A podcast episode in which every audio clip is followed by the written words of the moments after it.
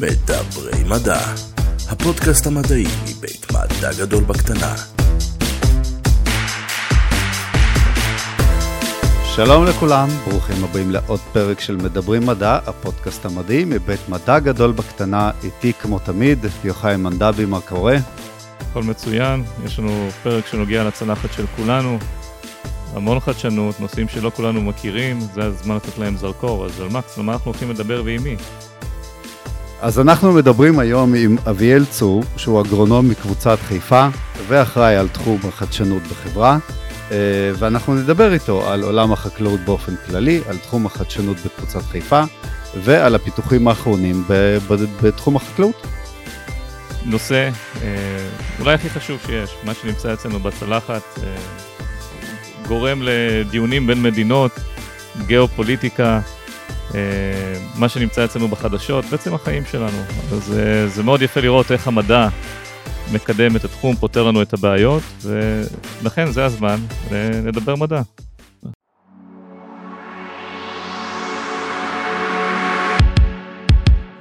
אביאל צור, ברוך הבא לפודקאסט שלנו.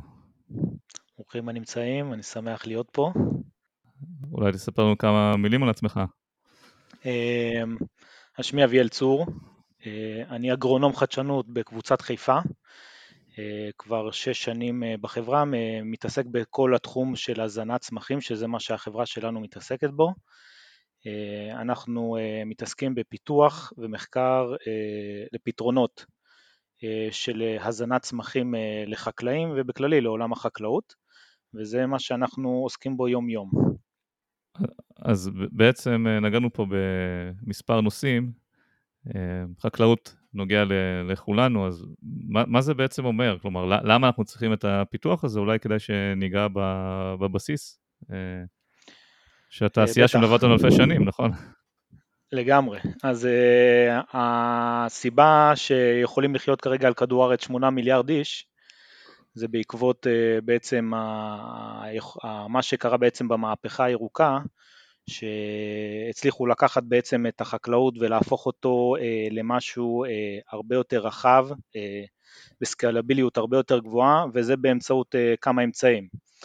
ואחד מהאמצעים האלה זה היה בעצם אה, השימוש בדשנים, אה, ובעצם היכולת לייצר, אה, לייצר אה, נקרא לזה מזון, מה שאנחנו מכירים חקלאות, אבל זה מזון, אה, בכמות מאוד גדולה על יחידת שטח קטנה, אה, מה שהיה מאוד אה, קשה לעשות פעם, וזה בעצם אפשר היום לתמוך מבחינת, מבחינת הזנה את אוכלוסיית כדור הארץ, שככל שכולם מבינים, אנחנו, אוכלוסיית כדור הארץ גדלה ותגיע גם לעשרה מיליארד, ובשביל להכיל ולהזין את כל האוכלוסייה הזאת, החקלאות צריכה לעבור תהליכים ולהתפתח אה, ולהיות יותר מדייקת ויותר יעילה אה, על מנת אה, לייצר כמויות מזון שיכולות לתמוך בעצם את כל אוכלוסיית כדור הארץ. שזה תהליך שהתחיל נראה לי בעיקר ב... במאה ה-20, תחילת המאה ה-20, שניסו להבין איך אפשר לייצר דשנים בצורה מלאכותית. אה, נכון. מלאכותית בצורה כימית, אה, ולא לקחת אותה מהטבע. היה את הנושא של פריץ הבר ו... נכון, לגמרי. אמ, אז אה, מה שיש תהליך שבעצם שינה את, את העולם, אפשר להגיד, תהליך אברבוש, שזה היה המצאה שאולי מאפשרת לכדור הארץ להיות משהו היום, זה בעצם לקחת חנקן מהאוויר, חנקן מצוי באוויר בריכוז של 80 אבל הצורה שבה הוא מצוי פשוט לא זמין אה, לצמחים. אפשר להגיד שחנקן זה אחד מאבות המזון הכי, שהצמח צורך בכמות הכי גדולה, ובשביל להפוך אותו לזמין לצמחים בעצם אה, אה, יש תהליך אברבוש שבו לוקחים את החנקן מהאוויר ובכל מיני תהליכים כימיים, לא ניכנס לזה, הופכים את החנקן לצורה שהיא זמינה, וזה בעצם שינה אפשר להגיד שינה את כל העולם. עד לפני, לפני זה היו מסתמכים בעצם על אה, חנקן שמצוי בקרקע, לא תמיד בצורה זמינה, לא בכמויות גדולות, ולא אפשר בעצם לייצר את, ה, את הכמויות מזון שאנחנו מצליחים לייצר היום. אה, וזה בהחלט תהליך ששינה את פני ההיסטוריה, ו, ובעצם אה, מה שאנחנו מכירים היום כדשן, הדשן היום שמזין את הצמחים, זה הכל התחיל בתהליך הזה. מה אם, תסלחו לי על הצרפתית, קקי של בעלי חיים, שתמיד היה זמין ושימש כדשן? נכון, אז באמת כל הסיפור של קקי בעלי חיים יש בו משהו מאוד, אפשר להגיד, גם מאוד סביבתי, בעצם אתה לוקח קקי של בעלי חיים וממחזר אותו ונותן אותו לצמחים. הבעיה עם קקי של בעלי חיים, שדבר ראשון, אה, הוא לא אחיד, זאת אומרת, אה, mm. כל פעם תצורה אחרת, והצורה שהוא נמצא בה הוא לא זמין לצמח, הוא צריך לעבור תהליכי פירוק. אה, ואנחנו, אה, זה היה מאוד נחמד אם היינו שתי מיליארד איש על כדור הארץ, אז אולי זה היה עובד, אבל בשביל לייצר mm. את הכמויות ובמהירות שאנחנו צריכים לייצר, אנחנו צריכים לצאת הזנה הרבה יותר מדייקת והרבה יותר זמינה לצמח. אה, אם אנחנו רוצים לייצר על כל מטר מרובע את הכמות יבול הכי גדולה שאנחנו יכולים בצורה הכי יעילה, אז היום אה, בוא נגיד מה שאנחנו מדברים, אה, החומר האורגני הזה עדיין לא מאפשר להגיע ליכולות שאנחנו צריכים להגיע עם דשן כימי. אנחנו נצטרך הרבה קקי אתה אומר. הרבה קקי וגם זה לא יעזור כי הרבה קקי גם יכול לעשות נזק למשל חקלאים שמיישמים הרבה מאוד, אה, נקרא לזה קומפוסט, שיכול להיות מקורו מרפתות, יכול להיות מקורו mm. מלולים, לפעמים גם אפילו יכול לעשות נזק לצמחים אה, בכמויות גדולות. אה. אנחנו, ואנחנו נמצאים בשביל בעצם לגדל את כל המזון הזה, אנחנו נמצאים בעולם של להעלות את היעילות, להעלות את הדיוק,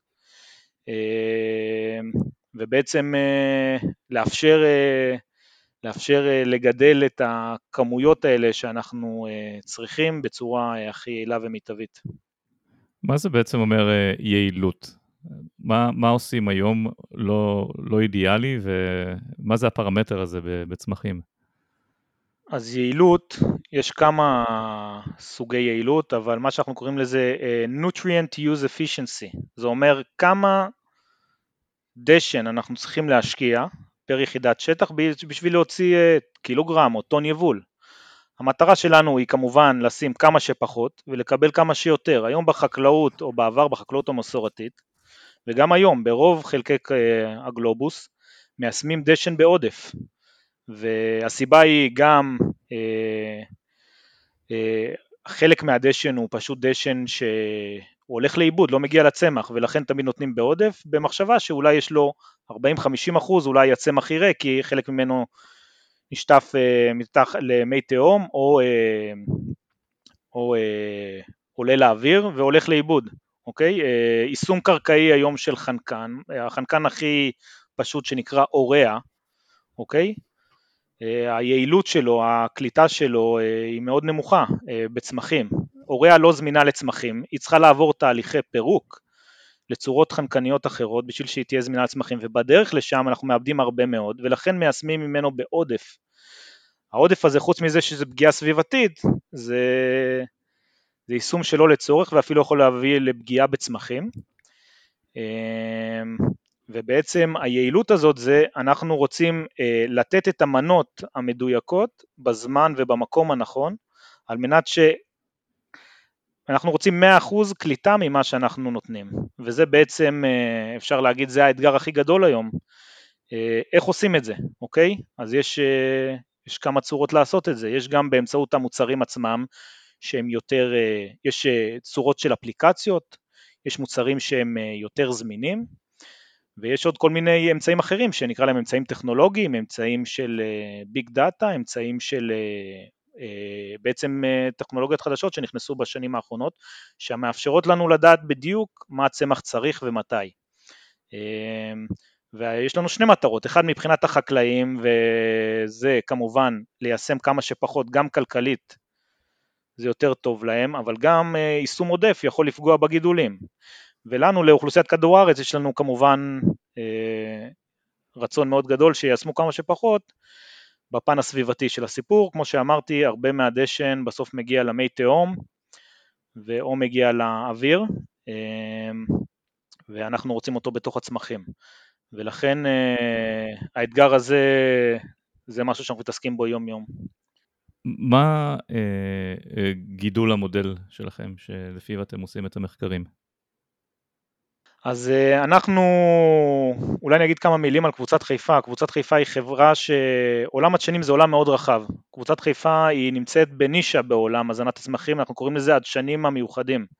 מה זה הדשנים המיוחדים? זה הדשנים, נקרא להם דשני הפרימיום, זה דשנים סופר איכותיים, המחיר שלהם בהתאם, והם הולכים לגידולים, נקרא להם, אנחנו קוראים להם cash crops, אוקיי? גידולים שיכולים להחזיר את התשלום על הדשנים האלה, זה בעיקר אה, גידולי החממה, ירקות, וגידולי בריז וגידולי מטעים וקנאביס, וכל הגידולים האלה שהחקלאי אה, יש לו את האינטרס ויש לו גם את, ה, את האינטרס הכלכלי וגם מבחינת הגידול עצמו, הצורך שלו אה, להשתמש בדשנים האלה שהם דשנים סופר איכותיים גם מבחינת הניקיון שלהם.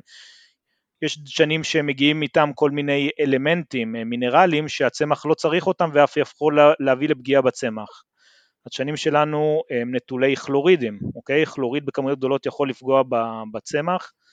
יש צמחים שממש לא יכולים לגדול על, אה, על ריכוזים מסוימים של כלורידים, ובעצם אה, זה בדשנים שלנו, הם, הם דשנים שמיועדים לסיגמנט, כמו שאמרתי, של הירקות של החממות, והטווח רחב של החממות, מהחממות שמגדלים במדינות עולם שלישי, מנהרות כאלה הכי פשוטות, לחממות הכי מתקדמות בהולנד, חממות זכוכית, עם העשרה ב-CO2 ותאורה, אה, ובעצם אה, זה, זה העולם שאנחנו משחקים בו. אז אנחנו בעיקר מתעסקים, ירקות זה עגבנייה, פלפל, מלפפון, מטעים, אה, פירות יער, אוכמניות, תותים, כל העולם הזה. יש הבדל, יש הבדל גם בין, חוץ מזה שיש הבדל בין דשנים, יש הבדל גם בין איך הצמחים השונים מקבלים את הדשנים האלה? יש דשנים מיוחדים לסוג מיוחד של צמחים? כן, אז uh, כמו שאמרתי, לכל צמח, יש צמחים שהם רגישים, רגישים ל... נקרא להם מינרלים מסוימים. למשל, mm. אם אתה, בוא נגיד, הדשן, אחד מהמינרלים שהצמח צורך בכמות הכי גדולה היא אשלגן. אבל אשלגן אפשר לתת אותו לצמח בכמה תצורות, והצורה הכי זולה והכי זמינה היא אשלגן כלורי. מה שאנחנו מכירים את האשלג שיש לנו בים המלח, ים המלח. זה אשל... Mm. אשלגן טבעי, שהתצורה שלו זה אשלגן עם כלוריד, וזה תצורה שאפשר לתת לצמחים, אבל הצמח לא צריך כל כך הרבה כלורידים, וברגע שהוא צורך כמויות אדירות של אשלגן, הכלוריד הזה פוגע בצמח בכמה תצורות.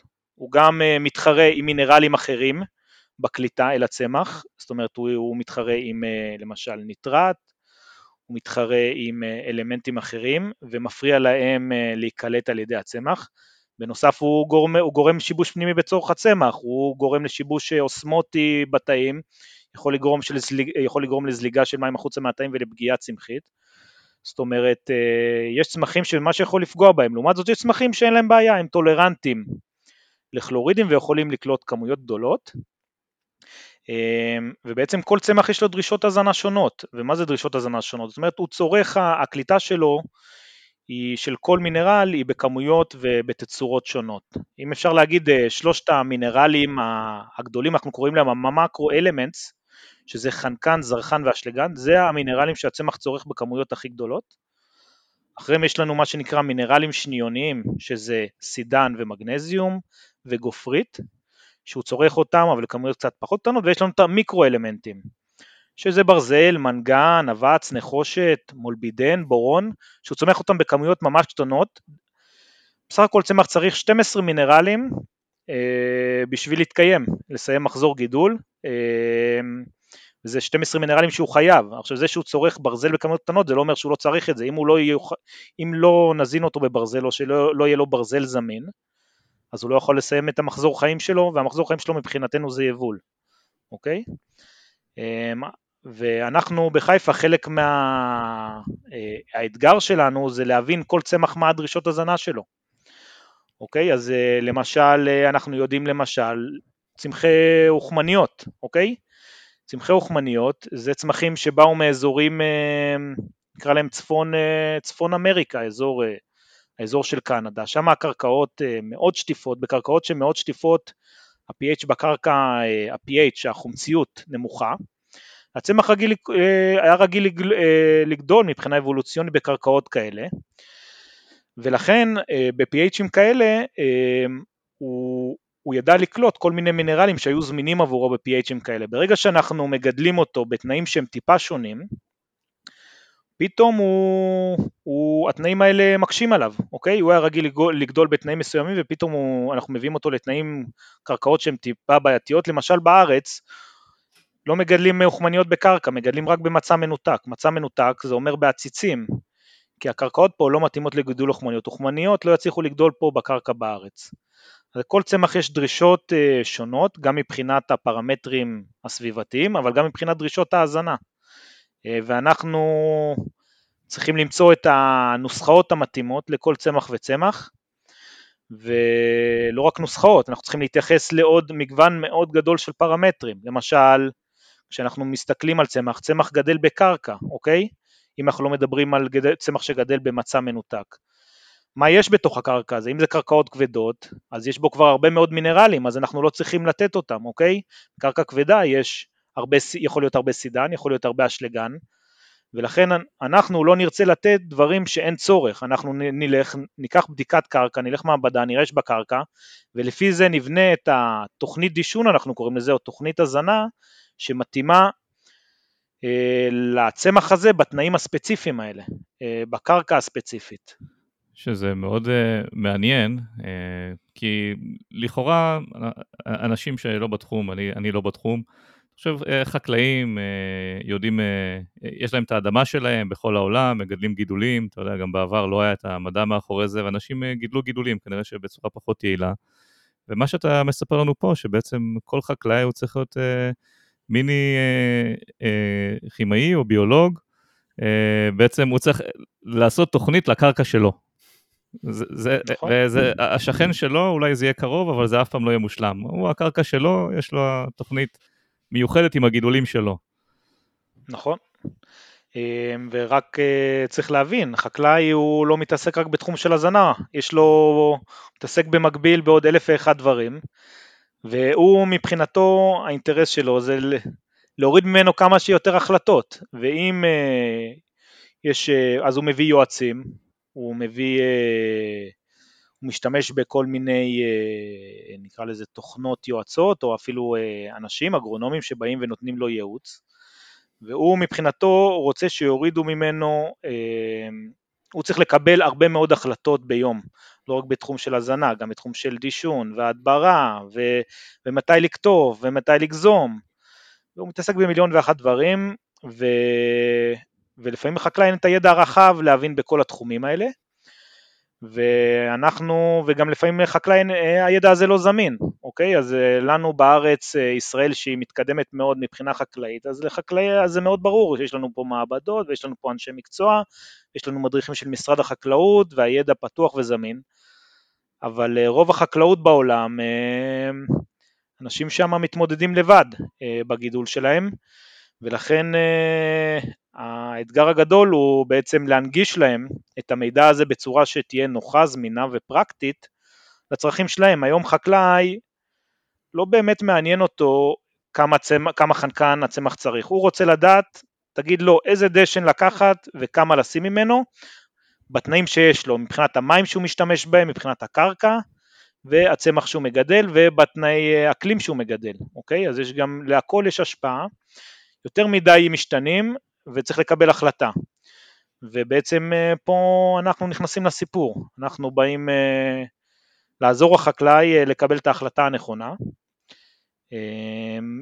בכמה תצורות, אז זה יכול להיות מה שנקרא boots on the ground, יש לנו אנשים שמסתובבים ועוזרים, אבל אין לך, אתה לא יכול לשים בן אדם על כל הגלובוס בכל פינה, והיום אה, מה שיש לכל בן אדם אה, בכף יד, או כמעט כולם, יש להם זמינות אה, מחוברים לאינטרנט, אם זה בסמארטפון, תלך לחקלאי בהודו, או בכל מקום באפריקה, כמעט לכולם יש סמארטפון, כולם יש, היום כמעט כולם, יש להם איזושהי גישה לאינטרנט, ואם אפשר להנגיש להם את הכלים האלה בצורה שתהיה זמינה להם, אז הסקלביליות והיכולת להנגיש את הידע הזה לקבוצת חקלאים אה, הרבה יותר רחבה היא הרבה יותר קלה והיא יותר אה, נוחה.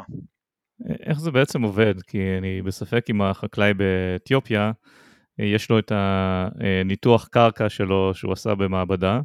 אולי כנראה שחלק מהם כן, אבל אני אומר, בגדול בהרבה מקומות בעולם לא. האם הפיתוח שלכם מצליח להתמודד עם הפער מידע? אמ, אז הפיתוח שלנו בנוי בצורה, נקרא לזה, אמ, החקלאי, נקרא לזה בצורה כזאת, החקלאי תמיד מקבל פתרון. לפעמים זה לא יהיה הפתרון האופטימלי, אבל הוא תמיד יקבל פתרון. זאת אומרת, ככל שהוא יזין יותר נתונים פנימה, ככה הפתרון יהיה יותר מדויק.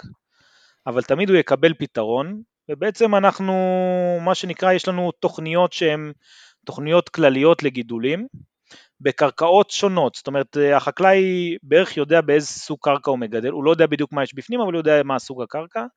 ולפי זה הוא יכול להחליט, אה, הוא יכול לבחור את התוכנית שמתאימה לו ואז הוא מקבל תוכנית כללית שאומרת לו מה הוא צריך לעשות. על בסיס זה הוא יכול להוסיף עוד פרמטרים וכמו שאמרת, לא לכולם יש את היכולת באמת אה, לקחת בדיקות אה, קרקע למעבדה או בדיקות מים אבל אה, גם אם הוא לא יכול עדיין הוא מקבל פתרון מספיק טוב אה, על בסיס מה שיש לנו אה, וזה מבוסס בעצם על מבוסס על הפריסה הגלובלית שלנו, יש לנו עד היום 17 חברות בנות שפרוסות בכל הגלובוס, חיפה היא חברה שבעצם מוכרת ופעילה במעל 100 מדינות, יש לנו 17 אה, חברות בנות שחלקן הן ספציפיות למדינות, חלקן אחראיות אה, על כמה מדינות במקביל, על טריטוריות. אנחנו מדברים על כל הגלובוס מאוסטרליה ועד האמריקות ובאירופה ובאסיה. יש לנו שם אנשים שמכירים את האזורים ואת הקרקעות והם בעצם מזינים את המערכת שלנו בהמלצות גידול שהן ספציפיות לטריטוריה. אוקיי? אז זה יכול להיות המלצות גידול לדרום אפריקה, לאזור הזה בדרום אפריקה. אוקיי? ואז... ולגידול המסוים. זה, לגידול המסוים, וזוהי ההמלצה נקרא לה הכללית לאזור הזה. עכשיו אם החקלאי יש לו את היכולת לקחת בדיקות קרקע, בדיקות מים, ולהזין אותם לתוך המערכת, אז בכלל הוא מקבל את הדישון המדויק לחלקה הספציפית שלו, לקרקע שלו, למים שהוא משתמש בהם ולגידול שהוא מגדל. מי, מי מחליט מה לגדל? זאת אומרת, האם הם מתייעצים איתכם רק כשהם כבר מחליטים מה לגדל ורק איך לעשות את זה בצורה טובה יותר, או שאתם גם נותנים להם תוכנית שתהיה להם אה, אה, את ההכנסות? אה, לא, אז אנחנו מתעסקים רק בעולם של אה, הזנת צמחים, אנחנו נותנים פתרונות mm. הזנה, וזה מי, זאת אומרת החקלאי הוא מגדל גידול מסוים, ואנחנו אה, בעצם תומכים אותו בכל הסיפור של הזנת הצומח, מרמה של מוצרים, ידע, אה, מערכות, אה, אנחנו קוראים לזה מערכות, מערכות מומחה. יש לנו, יש כמה סוגי דשנים היום שאפשר ליישם, אנחנו, חיפה יש לנו שלושה, נקרא להם, יש לנו שני סוגי דשנים ועוד, ועוד סיגמנט שהוא נוסף לעולם הדשנים, יש לנו דשנים, אנחנו קוראים להם דשנים מסיסים, במקביל לפיתוח של הטפטפות, אוקיי, שהומצא פה בישראל על ידי חברת נטפים, אז אה, חברת, אה, אה, קבוצת חיפה בעצם פיתחה את כל הסיפור של, אנחנו קוראים לזה הדשיה, דישון דרך ההשקיה. פעם בדישון המסורתי וגם כיום רוב הדישון הולך ביישום קרקעי של דשן על פני הקרקע. ובעצם היישום הזה יש בו יעילות מאוד נמוכה, אתה מיישם את הדישון על פני קרקע אתה לא מיישם ישירות לצמח, אוקיי? אתה מיישם על קרקע ואתה מקווה שהדשן הזה יגיע לצמח.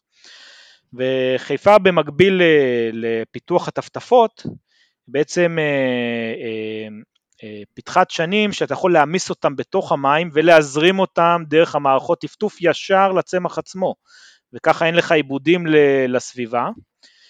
אמ, אז זה אנחנו קוראים לזה הדשיה או באנגלית אנחנו קוראים לזה fertigation או אם אנחנו מתעסקים בעולם ההזנה אז אנחנו יותר אוהבים לקרוא לזה nutrigation, nutrition ו irrigation, אוקיי? זה בעצם דישון באמצעות מערכ, מערכות ההשקיה. אמ, עוד אה, אה, אפליקציה נוספת אפשרית, למשל מה, מה קורה באזורים שלא מושקים, יש לנו אזורים עם אה, גשמים מרובים, אוקיי? ואין שם צורך לפרוס השקיה, איך אתה מדשן שם במקרה כזה? אם תיישם עכשיו דשן על פני הקרקע, עם הכמויות גשמים שיורדים שם, הכל פשוט יישטף. הדשנים האלה בחיים לא יגיעו לצמח, הם נשטפים למי תהום, הצמח לא רואה אותם, איך אתה נותן פתרון לסיפור הזה, וחיפה פיתחה אה, דשן, אנחנו קוראים לו דשן בשחרור מבוקר, אוקיי? זה בעצם אה, דשן שעטוף בפולימר, איזה מין קפסולציה, שאתה מיישם אותו לקרקע והדשן הזה משתחרר בצורה מבוקרת על פני תקופה מתקופה של חודשיים עד פני עד אה, שנה, ובעצם אה, הדבר היחיד שמשפיע על השחרור של הדשן זה הטמפרטורה, ככל שהטמפרטורה עולה כמובן יש פעילות צמחית יותר גדולה וככה הדשן יותר משתחרר ונקלט על ידי הצמח. היעילות של הקליטה באפליקציה כזאת היא מאוד מאוד גבוהה ואין כמעט עיבודים לסביבה והיתרון הגדול הוא שאתה מיישם את הדשן הזה פעם אחת והוא יכול לשחרר לך את הדשן על פני שנה ואתה לא צריך יותר להתעסק עם זה. יישום פעם בשנה וזהו, שגר ושכח. למה זה לא נשטף במקרה הזה? כי הדשן עטוף בפולימר, אוקיי? ובעצם אה, המים, הדשן יוצא מהפולימר בצורה של דיפוזיה. הדבר היחיד שמשפיע על אה, קצב דיפוזיה זה שום משתמע אחר, לא פירוק מיקרוביאלי ולא הכמויות מים ששוטפים, זה לא שוטף את הגרנולה למטה, הגרנולה נשמרת בחלק העליון של הקרקע, הדבר היחיד שמשפיע זה בעצם טמפרטורה, ככל שהטמפרטורה יותר גבוהה, דיפוזיה יותר גדולה, ויש שחרור דשן יותר מהיר מהגרנולה החוצה, אה, והצמח אה, קולט אותו, כי ככל, כמו שאמרתי, הטמפרטורה גדלה, בדרך כלל הפעילות הצמחית היא מתגברת אה, בהתאם, וזה מונע עיבודים מאוד גדולים, זה מה שנקרא Controlled Release Fertilizer, זה דשן בשחרור מבוקר, משונה מדשן בשחרור איטי, שדשן בשחרור איטי זה גם גרנולות, זה קפסולציות, אבל מה שמשפיע על הקצב שחרור של המינרלים מתוכם זה פירוק מיקרוביאלי בקרקע, בעצם אה, יש חיידקים בקרקע שמפרקים את הגרנולות האלה, וזה מה שמשחרר את המינרלים האלה החוצה. אנחנו מתעסקים בעולם אחר, אנחנו קוראים לזה דשן בשחרור מבוקר.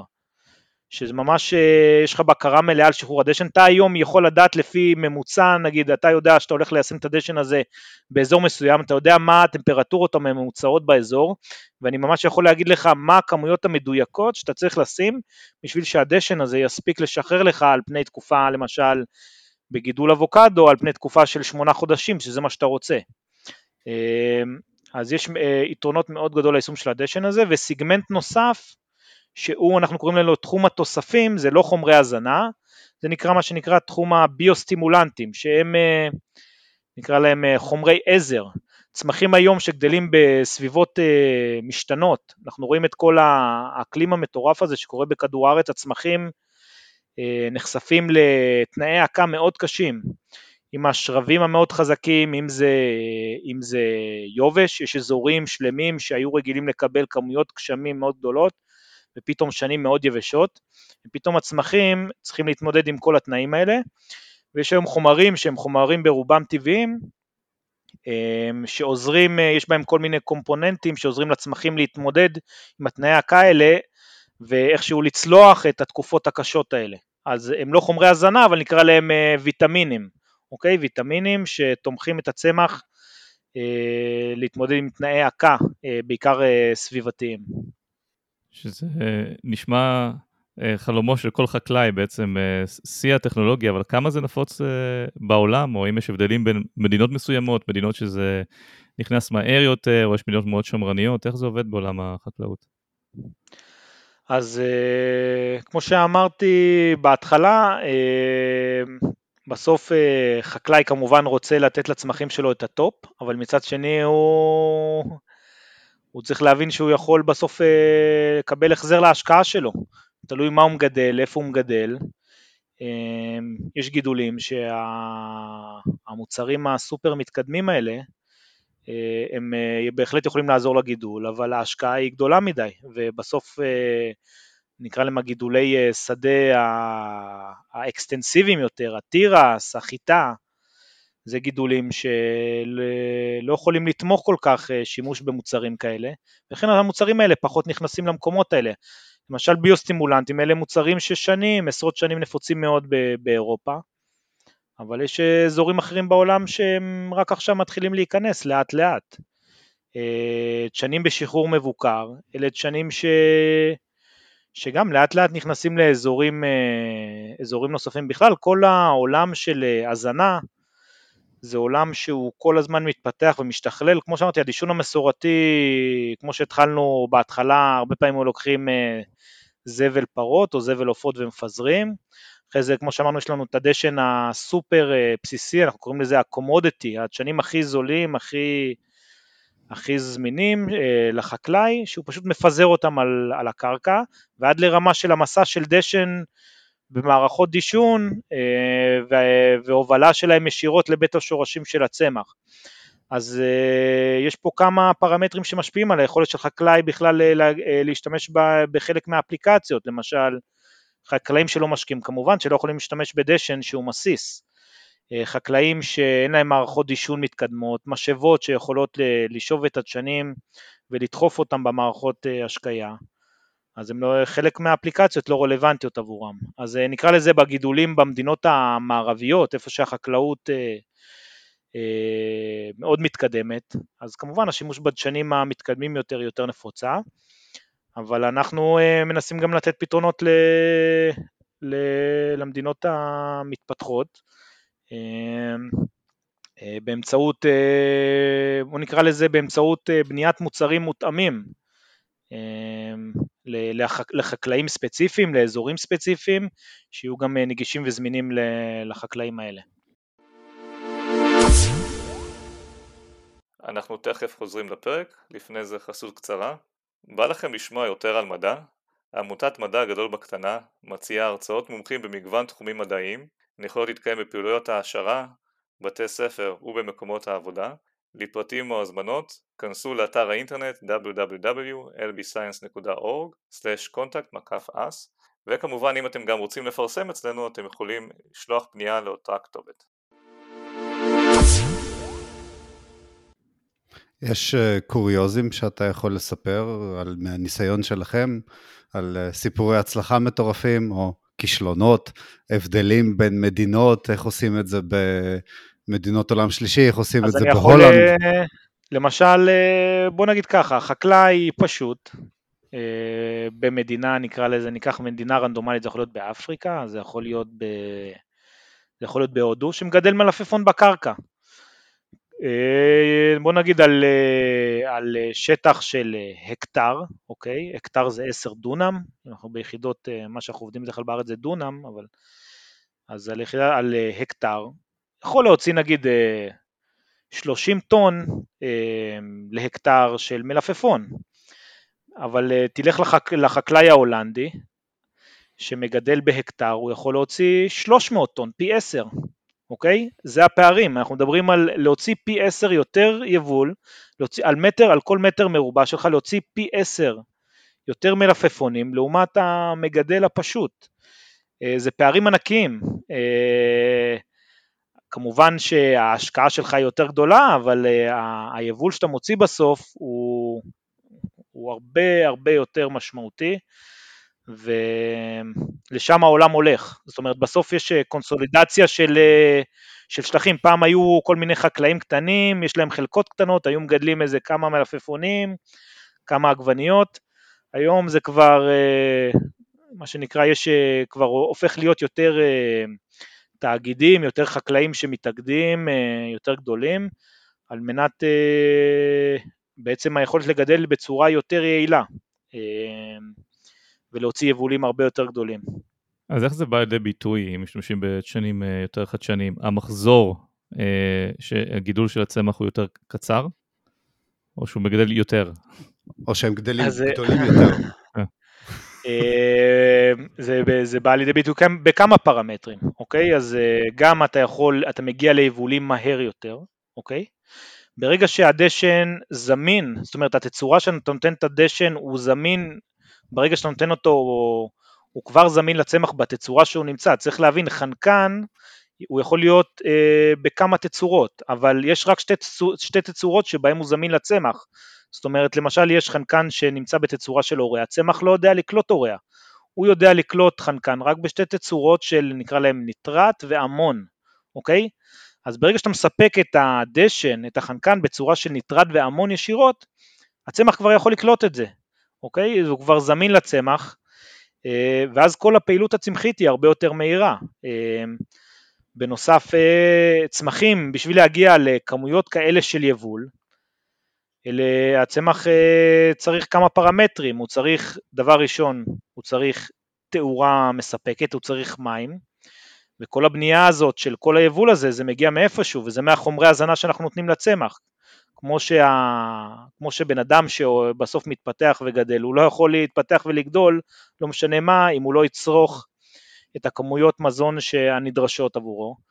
אותו דבר הצמח, בשביל להוציא 300 טון להקטר לעומת 30 טון להקטר, אתה צריך לדשן אותו אה, הרבה יותר ועם דשנים הרבה יותר איכותיים, אחרת אתה לא תגיע לכמויות האלה פשוט.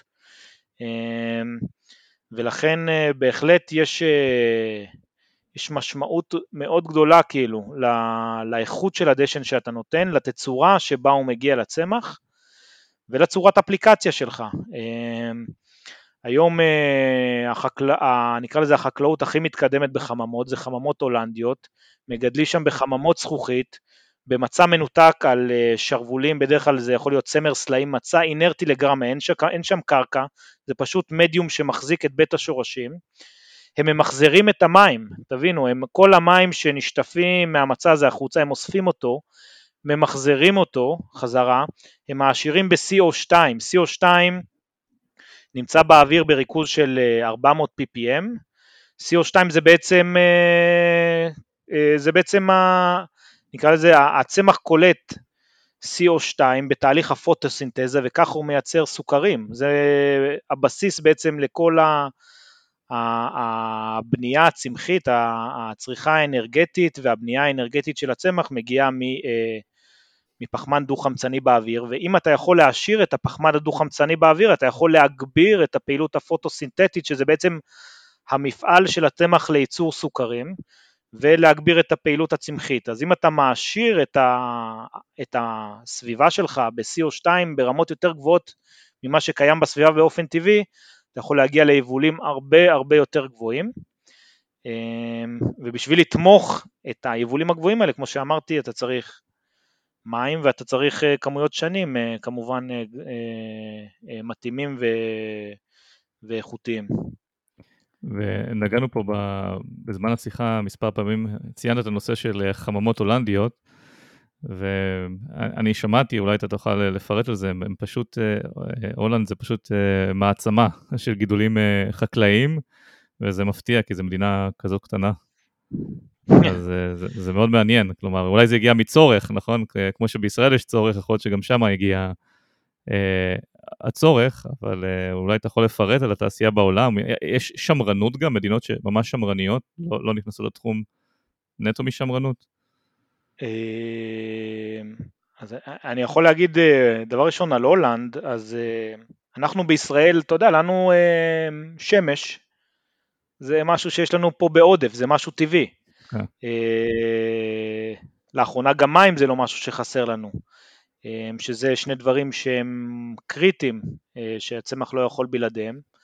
ההולנדים פשוט, אתה יודע, הם נמצאים באזורים שהם גם אזורים קרים יותר, גם מאוד, העננות שם מאוד גדולה, ובאמת הם, הם לקחו את התנאים, ה, נקרא להם התנאים שיש להם שם בשביל לייצר בשביל לייצר, אה, בשביל אה, בעצם לגדל את הגידולים האלה, בעיקר גידולי ירקות בחממות, הם היו חייבים לבנות, נקרא לזה ממש אזורים מבוקרים, שיאפשרו לצמח להתפתח. זאת אומרת, אם יש לך הרבה מהתקופה בשנה יש לך עננות, התאורה שלך מאוד נמוכה, הצמח שלך לא יגדל פשוט. אוקיי, הצמח צריך תאורה לתהליך הפוטוסינתטי שלו.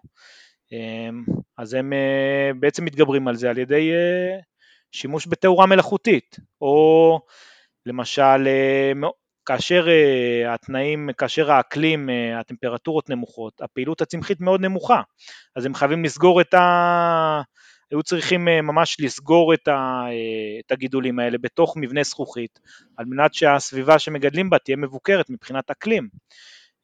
אז הם מחממים, מקררים, הם מעשירים ב-CO2, הם מגבירים תאורה אם צריך, זאת אומרת הם ממש מגדלים בסביבה מבוקרת, לא משהו שאנחנו מכירים אה, למשל אם תיכנס לחממה, לחממה ממוצעת פה בארץ, זה לא מה שאתה מכיר כי באמת אין צורך, כי הטמפרטורות פה רוב השנה חמות, שמש יש לך מספיק, זאת אומרת, נקרא כמה פרמטרים שהם בסיסיים לצריכה של הצמח, אתה מקבל באופן, אתה מקבל את זה, מקבל את זה בשפע מהטבע, ושם היו צריכים להתמודד באמת עם, עם תנאים שהם טיפה שונים, ולכן הם בנו ממש סביבת גידול מבוקרת לצמחים, וכמובן שההשקעה בבנייה של סביבת גידול כזאת היא מאוד יקרה, ובשביל אה, להצדיק השקעה כזאת אתה כמובן אה, צריך להחזיר את ההשקעה ואתה צריך אה, לוודא שאתה מוציא יבולים מאוד גדולים פר יחידת שטח שאתה משקיע, והם הביאו את זה לרמה של אומנות, כמו שאמרתי, הם ממחזרים שם את המים, זאת אומרת, אין, זה גם עניין של רגולציה שיש שם, כל הרגולציה הסביבתית שם מאוד חזקה, אסור לך בעצם לזרוק מים אה, לסביבה שם, אתה חייב להשתמש בהם. הם אוספים מים, את המי גשמים, אוספים אותם ומשקים איתם אה, את הגידולים, אה, ובעצם זה גורם להם להיות מאוד יעילים, מאוד מדויקים, כי הם חייבים להגיע לתוצאות תוצאות מאוד טובות מבחינת יבולים בשביל בעצם לתמוך את כל האופרציה הזאת. אז זה, זה הסיפור של ההולנדים, והם באמת, החממות שם זה, זה, זה, דבר, זה משהו שונה ממה שאנחנו מכירים אה, ברוב, אה, ברוב האזורים, אה, אבל באמת למשל באקלים שלנו אין צורך בזה, אין סיבה לגדל פה בחממות זכוכית, לא צריך להשקיע בזה, אנחנו מקבלים את הכל בחינם מהטבע. זהו, אבל אנחנו לעומת זאת בישראל, לעומת זאת, פיתחנו את היכולת להתמודד עם תנאים מדבריים שיש לנו פה. היום אנחנו מגדלים באזורים מדבריים אזורים באזור, באזור הבקעה, בנגב, בערבה, אנחנו מגדלים שם אה, ירקות בתנאים מדבריים. אנחנו פיתחנו את כל הטכנולוגיות אה, גידול האלה בתנאים מדבריים, כי כמו שאמרנו, בסוף אתה נמצא בתנאים מסוימים, אה, בקרק, בקרקעות מסוימות, באקלים מסוים, ואנחנו השכלנו במדינת ישראל עם עם אה, אנשים אה, מאוד אה, חכמים, בעצם לפתח יכולות לגדל בתנאים מדבריים, שזה כמעט בלתי נתפס. האם יש ייצוא של הטכנולוגיה למדינות השכנות, שיש להן בעיות מאוד דומות, או קרקע מאוד דומה לשלנו?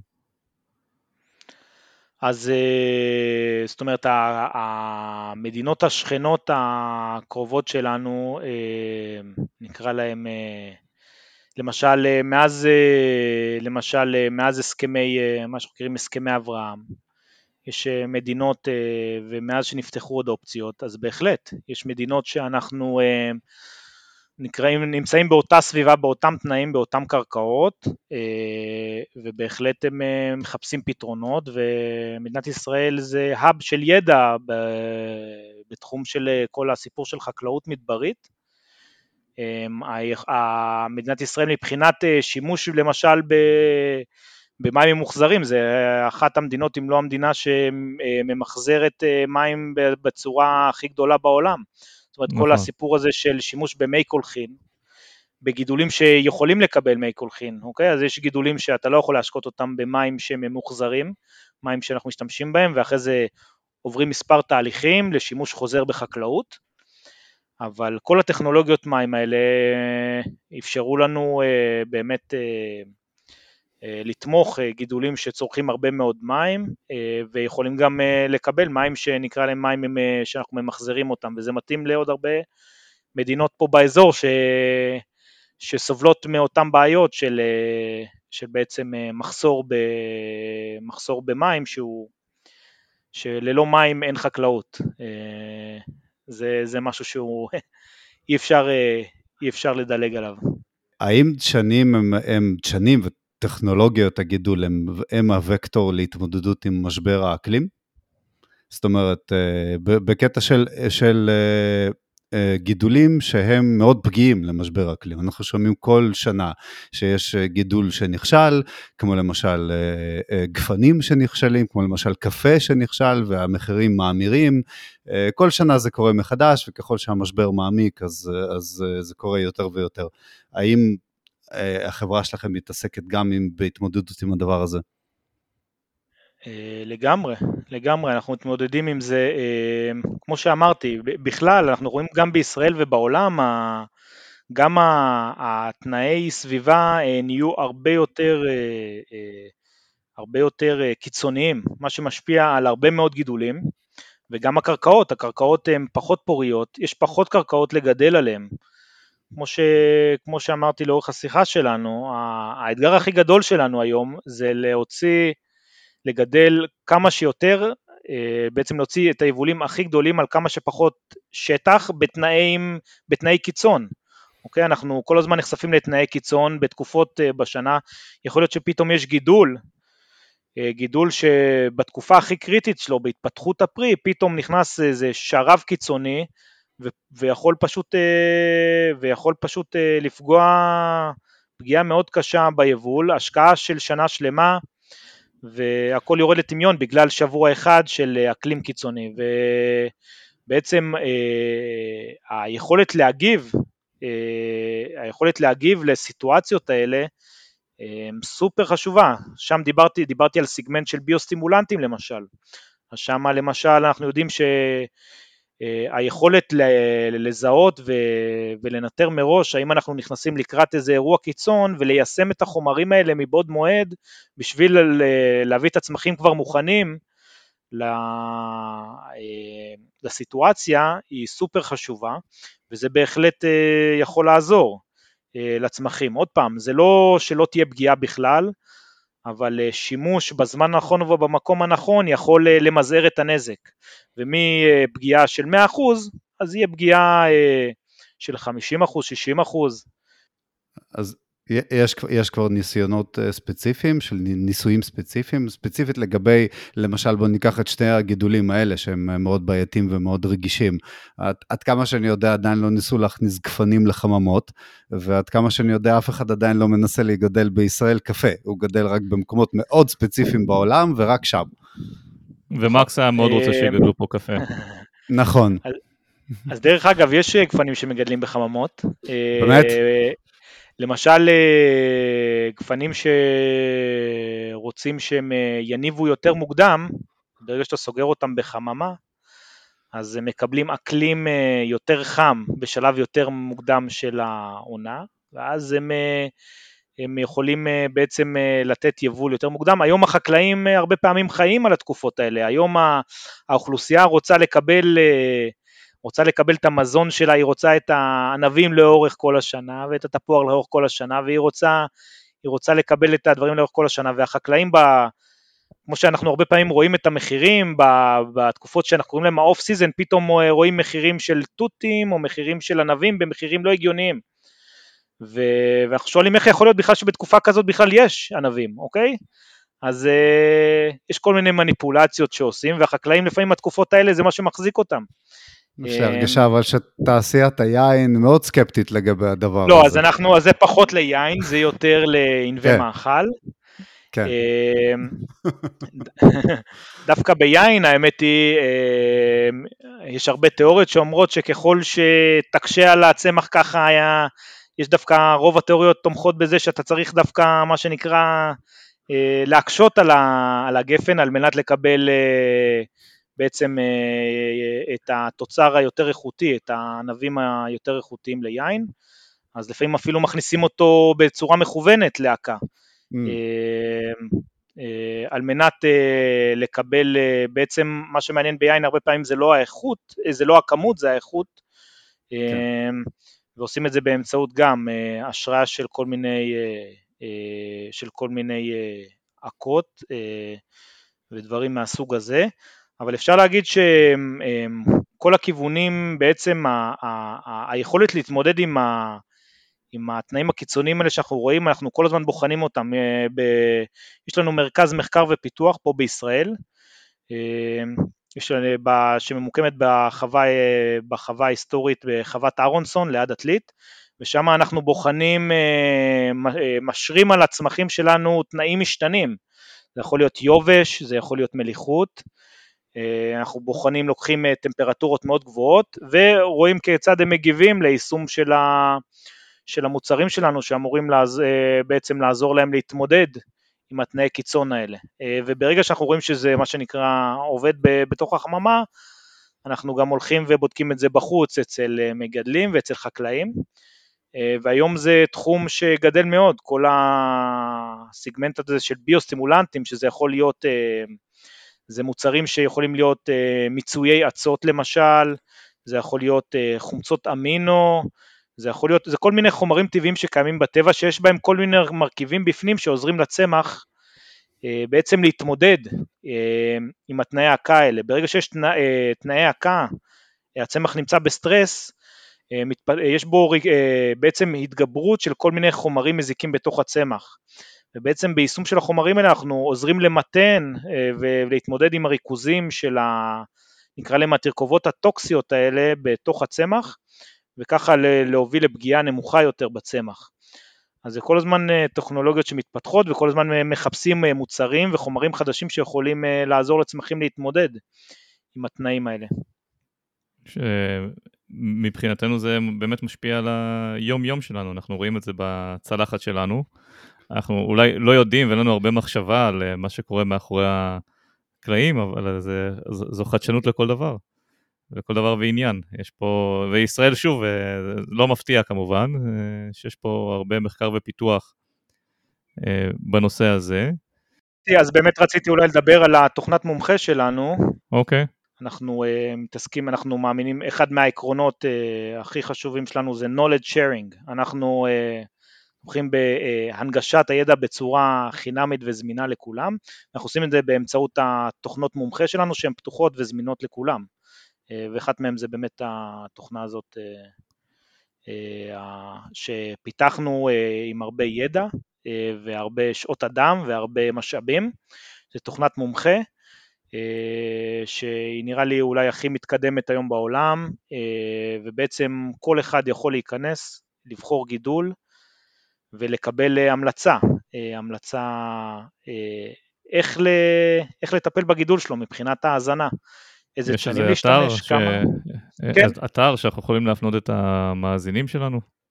כן, אז דבר ראשון אפשר להגיע אליו דרך האתר של קבוצת חיפה, אפשר לרשום hiphagroup.com ולחפש שם אה, בעצם אה, את ה... אה, לחפש שם את, ה, את התוכנה תחת ה... יש לנו בעצם מין טאב שיש שם את כל התוכנות מומחה שלנו, יש לנו תוכנת מומחה להדשיה, מה שאמרתי של אה, עוזרת לחקלאים ולאגרונומים ואנשי מקצוע אה, אה, בעצם להבין ולקבל ייעוץ לגבי הדשיה, שימוש בדשנים מסיסים דרך המערכות השקיה.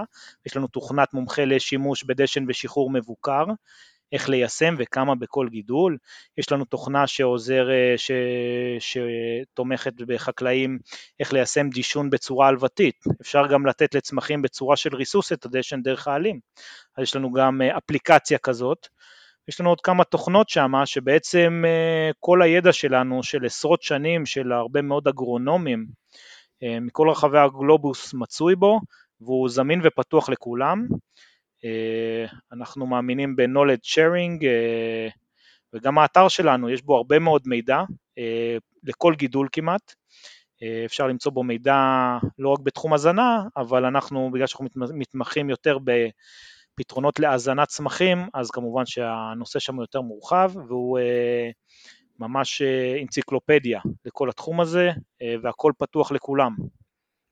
יש, יש המלצות על תוכן אה, פופולרי שאנשים יכולים ללמוד יותר, על חקלאות, על, על uh, ייעול וכאלה, ערוצי יוטיוב, פודקאסטים, דברים מהסוג הזה. כן, אז יש לנו ערוץ יוטיוב כמובן, שיש לנו uh, הרבה וובינארים בנושאים שונים שם, uh, כמובן כל אחד לפי התחום עניין שלו. Uh, ערוץ יוטיוב של uh, חיפה group, אוקיי? אמ, ששם אפשר למצוא הרבה מאוד תוכן, כמו שאמרתי אפשר למצוא באתר שלנו הרבה מאוד תוכן אמ, וזהו, בגדול אה, כל הידע נמצא שם. אז אה, תודה רבה אה, אביאל צור, אגרונום מקבוצת חיפה. אני גם רוצה להזכיר למאזינים שלנו שאם אתם אוהבים את התכנים, אתם מוזמנים גם להיכנס ל... לאתר של אה, עמותת מדע גדול בקטנה, יש לנו המון תכנים בנושא מדע, גם uh, לפטריון שלנו, uh, LB Science פטריון, אם אתם רוצים לשים כמה שקלים ולתמוך הפעילות שלנו ותספרו לחברים שלכם, תשתפו את הפרקים, הרבה תוכן מדעי. ושוב, אביאל, תודה רבה. באמת היה תענוג ללמוד על נושא באמת שמשפיע על הצלחת של כולנו. בכיף, שמחתי להיות פה. ועד הפרק הבא, נשתמע.